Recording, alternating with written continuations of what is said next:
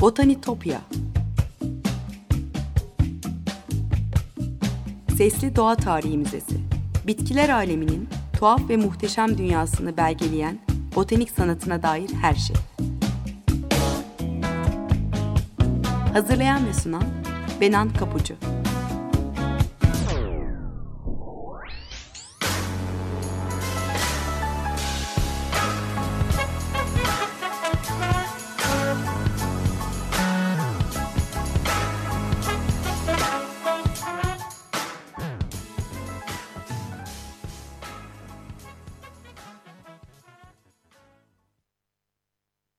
Merhaba sevgili Açık Radyo dinleyicileri. Botanitopya'ya, bitkiler aleminin tuhaf ve muhteşem dünyasına hoş geldiniz. Anlatıcınız ben Benan Kapucu. E, botanitopya.gmail.com adresinden bana ulaşabilirsiniz. Yorumlarınızı ve görüşlerinizi paylaşabilirsiniz. E, aynı adda Twitter ve Instagram hesaplarım da var. E, programda değindiğim kimi konuları görselleriyle ve özetlerle birlikte buradan paylaşıyorum. E, o yüzden takip ederseniz mutlu olurum. Eski kayıtları da Spotify'dan ya da Açık Radyo'nun podcast üzerinden dinleyebilirsiniz. E, sevgili dinleyiciler bugün bir bitki casusluğu hikayesi anlatacağım size. E, Çin'in devlet sırrı gibi koruduğu çayın tüm sırlarını öğrenmek için ülkeye sızan İskoç botanikçi Robert Fortune var bu casusluk hikayesinin arkasında.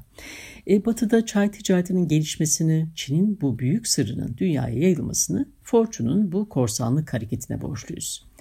1843 yılında Çin'e ilk gelişinde Dendey Bahçecilik Topluluğu adına ülkenin en ücra bölgelerine kadar ulaşmış ve birçok bitki toplamıştı. 5 yıl sonra da Çin'in dünya üzerindeki tekelini kırmak isteyen Doğu Hindistan şirketinin casusu olarak Wu Si-shan dağlarının içlerine doğru ilerlemiş binlerce çay bitkisi ve tohumunu kaçırıp üretim yöntemlerini öğrenmişti. E, çay o zamanlar sudan sonra dünyanın en popüler içeceğiydi ki bu bugün de öyle. Hem yurt içinde hem de yurt dışında pazar talebini karşılamak isteyen İngiltere, Fortune sayesinde Çin tekilini sabote ederek çayı dünyaya açar ve bu da sonuç olarak Çin ekonomisinin darmadağın olmasına neden olur. 1800'lerin başında İngilizlerin ilgi alanına yeni girmiştir ama Çinler neredeyse 2000 yıldır çay içiyordu çay bitkisi Camellia sinensis gibi çay içmekte Çin'e özgü bir gelenek. Her dem yeşil bir çalı ya da büyümesine izin verilirse ağaç olan çekici çay bitkisi yüksek rakımlı, sıcak, iyi yağış alan asitli toprakları seviyor.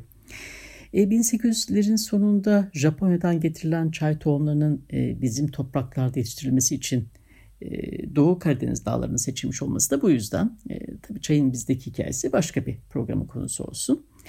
E, kahve ve belli başka bitkiler gibi çay yaprakları da iki önemli alkaloid içeriyor. E, kafein ve teofilin. E, ikisi de uyarıcı ve bağımlılık yapıcı olan bu alkaloidler e, çayın ya da kahvenin için bu kadar yaygın içildiğini de açıklıyor bize. E, Çin'de çay içmeye nasıl başlandığı tam olarak bilinmiyor ama e, çayla ilgili en eski kayıt M.Ö. 1. yüzyılda Han Hanedanı döneminde e, Wang Bao'nun bir Memurla Sözleşme adlı şiirinde e, karşımıza çıkıyor. İçecek olarak tüketilmeden önce çay şifalı bir bitki olarak biliniyormuş. E, Çin toplumunda çay içmek öyle önemlidir ki e, bazen çaylar tören içinde yudumlanır. Budist rahipler tarafından 805 yılında Japonya'ya götürülen çay ve içme törenleri burada iyiden iyiye ritüelleştirilir. E, odaya girişler, çıkışlar, kullanılan gereçler, e, diyalog ve yapılacakların sırasının özenle düzenlendiği katı kurallarla yönetilen bir seremonidir bu. E, çayın yetiştirilmesi, hazırlanması ve kullanımı e, Çin'in eski çağlara uzanan fırtınalı tarihiyle de iç içe. E, tadı çok sevilmiş ve neredeyse kutsal bir bitki konumuna yükselmiş.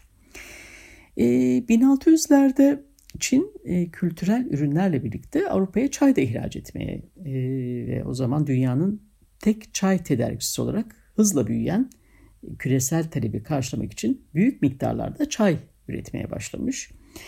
İngiltere'nin seçkinleri arasında popüler bir içecektir çay belki ama halk için hala abartılı maliyetlerdedir.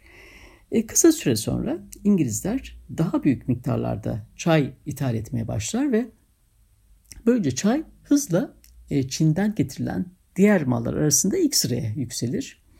E, Avrupa'da çay kullanımı yaygınlaştıkça çay üzerine şiirler, yazılar da yazılır.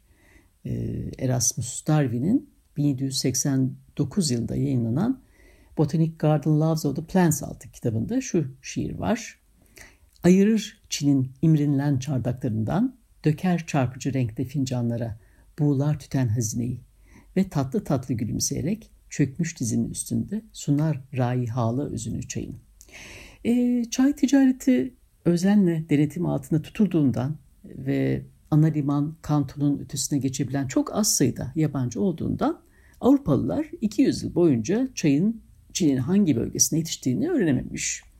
E, çay talebi yüksek olunca İngiltere bir takas ürün arayışına da gitmiş. E, Hindistan'ı sömürgeleştirerek orada afyon yetiştirmeye başlayan İngiltere o zaman popüler bir ağrı kesici olan afyon karşılığında Çin'den çay, ipek ve porselen almaya başlamış. Ancak afyon ithalatı Çin'de hızla bağımlılıkların artmasına ve birçok insanın hayatını kaybetmesine yol açmış. Ee, Çin İmparatoru da bu yüzden 1820 yılında ilacı yasaklama kararı alarak İngilizlerle çay ve diğer e, malların ticaretinde sadece gümüş ödemesini kabul edeceğini açıklamış. E, İngiltere halkının çay saplantısı ve talebi o kadar yüksektir ki e, ticaret şartlarını kabul etmekten başka seçenekleri yoktur. Bu kez çılgınlık derecesindeki çay talebini karşılamak için Avrupa ve Meksika'dan gümüş ithal etmek zorunda kalmışlar. Bu da kısa bir süre sonra ülkenin ekonomisine ciddi bir yük getirir tabii. Hükümet ülkeden gümüş ihraç etmeye devam ederlerse iflas edeceğini e, fark eder. E, 1800'lerin başında Kanton yani bugünkü adıyla Guangzhou e, ülkenin yabancı tüccarlara açık olan tek ticaret noktası olmasına rağmen çay üretimi üzerindeki tekeli sayesinde Çin dünyanın en büyük ekonomik gücü haline gelir. E, çay Çin'in dünya sahnesindeki rolünü değiştirir. Evet onu dünyanın en büyük ekonomik gücü yapar ama sonrasında bu ticaret Hong Kong'un sömürgeleşmesini de önünü açar. İngiliz İmparatorluğu'nun uzak doğudaki ekonomik genişlemesini kolaylaştırır ve çaya bağımlı bir ekonomi de yaratır. E, Avrupa'da çaya yönelik talep giderek arttığından şirket Çin'in bu endüstri üzerindeki kontrolünü de kırmak ister. Çay bitkisinin Kuzeydoğu Hindistan'daki Assam'da yabani olarak yetiştiği keşfedildikten sonra İngilizler bu yerli bitkilerle bir plantasyon oluşturmayı denerler ama başarılı olamazlar. Ve böylece açıklarını azaltmanın bir yolu olarak İngilizler çay karşılığında sessizce Çin'e afyon kaçırmaya başlar. Bu da elbette Çin'in afyon salgınını e, şiddetlendirir. Ve o dönemde e, Çin Yüksek Komiseri Lin Zexu e, o sırada krallığı yöneten Kraliçe Victoria'ya Çin'e yasa dışı afyon ihracatı durdurması için neredeyse yalvaran bir mektup gönderir ama kraliçe mektubu görmezden gelir. Taleplerin yanıtsız bırakılması imparatora çok az seçenek bırakınca Nisan 1839'da e, King İmparatoru yasa dışı afyon için limana baskın yapmak üzere Kanton'a bir ordu gönderir ve bu da Doğu Hindistan şirketine ait 20 bin sandıktan fazla afyona el konmasıyla sonuçlanır. E, uyuşturucu sandıkları İngiliz hükümetine e, yasal tazminat ödemeden yakılınca Çin ve İngiltere arasında 1840 yılında başlayan ve 20 yıldan fazla süren Afyon Savaşları başlar. E, bu savaşlar e, Çin'in tarihini ve çay ticareti üzerindeki etkisini sonsuza dek değiştirecektir artık. İngiltere'nin uyuşturucu kaçakçılığın etkisiyle onlarla iyi ticaret ilişkileri sürdüren bir ülkeyle savaş kararı alması e, parlamentoda siyasi çekişmelere de yol açar. E, sonunda İngiltere'nin en uzun hizmet veren dördüncü başbakanı olacak. William Gladstone e, gününe şöyle yazmış o zaman. Çin'e yaptığımız ulusal haksızlık yüzünden Tanrı'nın İngiltere'yi cezalandırmasından korkuyorum diye yazmış. E, Afyon Savaşları'ndan sonra 1842 yılında Çin Nanking Anlaşması'nı imzalamak zorunda kalmış. E, King Hanedanı'nın e, İngiltere'nin ticaret taleplerine boyun eğmesi, e, Çin hükümetinin kamudaki imajını da zayıflatmış. Hükümetlerinin e, kapalı ticaret politikasından memnun olmayan Çinli tüccarlar arasında da huzurluk yaratmış. Ve sonunda Çin yarı sömürge, yarı feodal bir ülkeye dönüşür.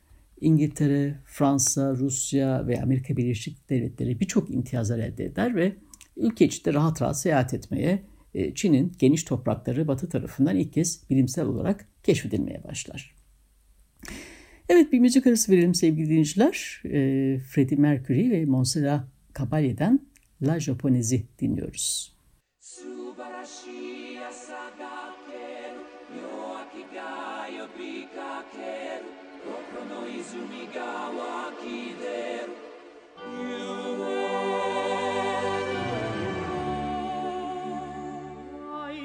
power of a stranger inside me, a force of magic surrounds me. This fountain within me is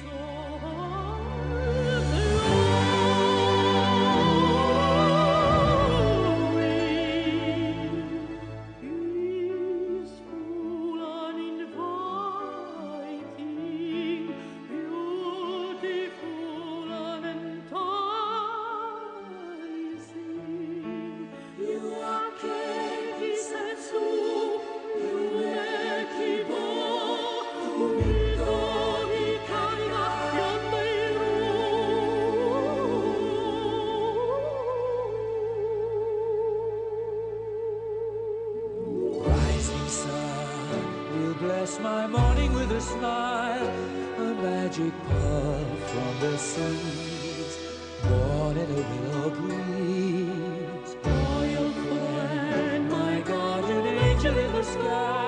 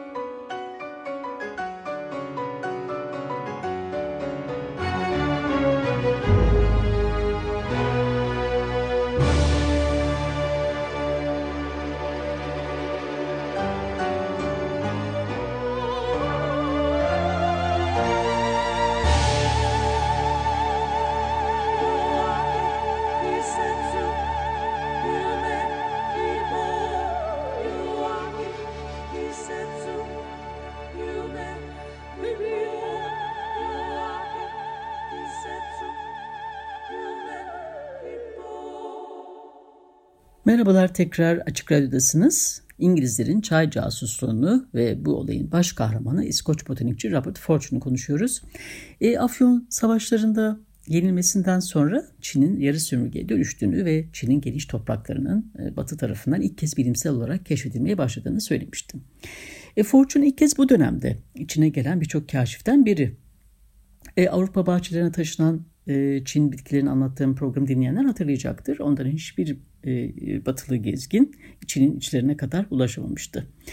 E, Afyon savaşlarından sonra kısıtlamaların kaldırılmasıyla seyahat imkanı bulmuştur ama Çinlerin çoğu yabancıları hala düşman olarak görüyordu. E, buna rağmen Fortune Çince öğrenmiş. E, ulaşması zor yerlerde e, birçok bitki toplayarak İngiltere'ye göndermeyi başarmıştı.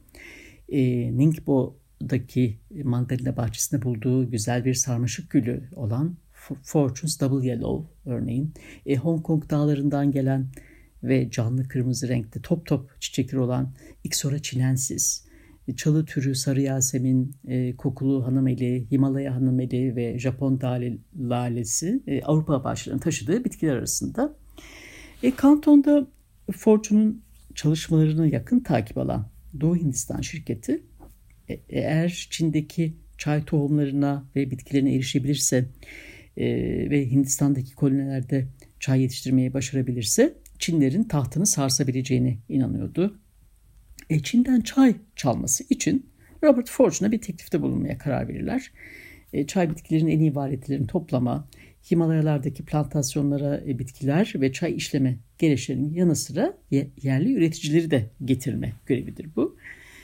E, riskli bir iştir ama elde ettiği ticari bilgilere karşılık yılda 624 dolar teklif edilir ki bu o zaman Fortune'un maaşının 5 katına gelen bir rakamdır. Bu cazip teklifi kabul eder. E, halka karışarak ülkenin iç kısımlarına daha kolay ulaşabilmek için e, saçlarını kökünden kazır. Yalnızca bir at kuyruğu bırakır. Yerel kıyafetler giyer. E, hizmetkarı Vank ile birlikte e, kim zaman yürüyerek, e, kim zaman tekneyle, kim zaman tahtrevanla 325 kilometre boyunca yolculuk ederek e, Fujian eyaleti e, Hui dağlarındaki çay üretim bölgesine varır. E, Fortune burada zamanını tohum toplayarak, e, tepelere yayılan bitki örtüsünü inceleyerek e, ve yeşil çayın üretimine dair bilgi toplayarak geçirir. E, çay burada 2000 yıldır değişmeden aynı formülle üretiliyor ve aynı biçimde içiliyordu.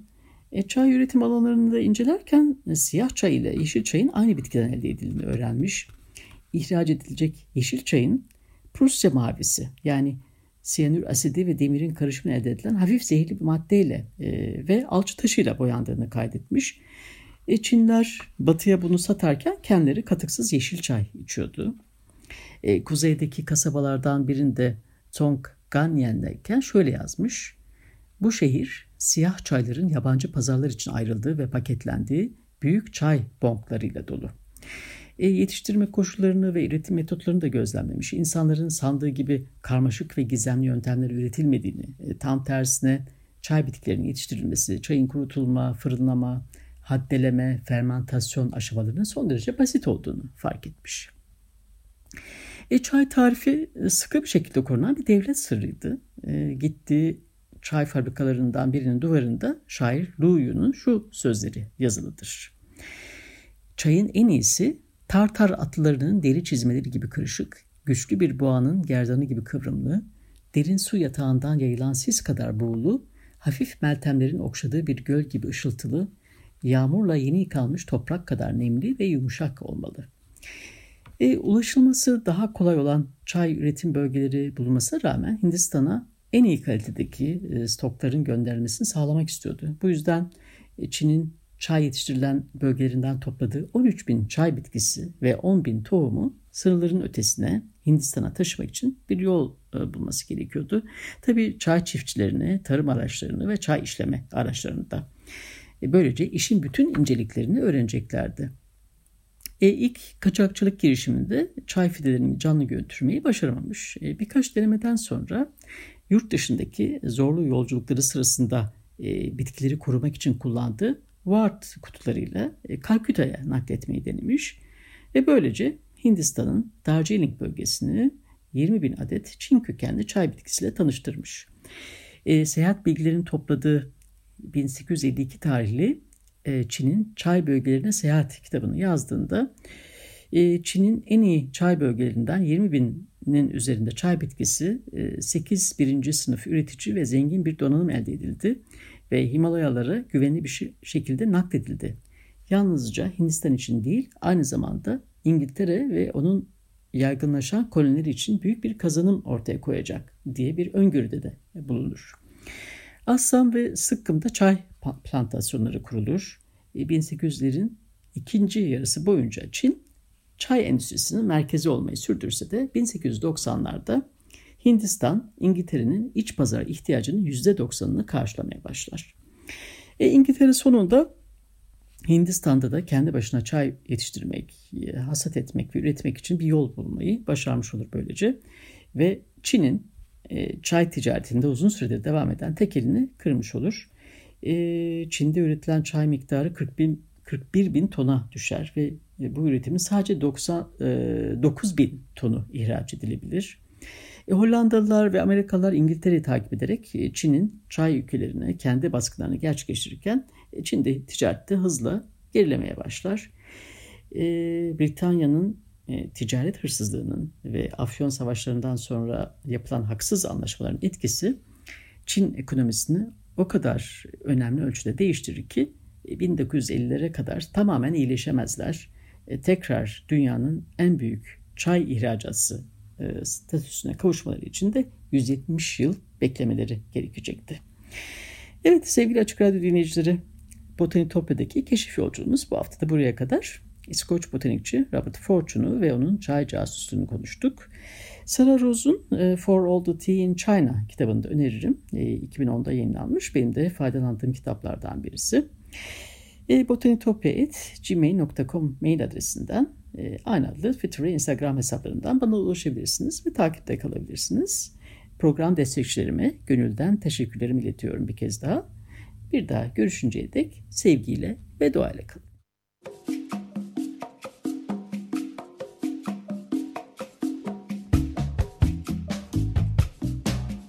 Botanitopya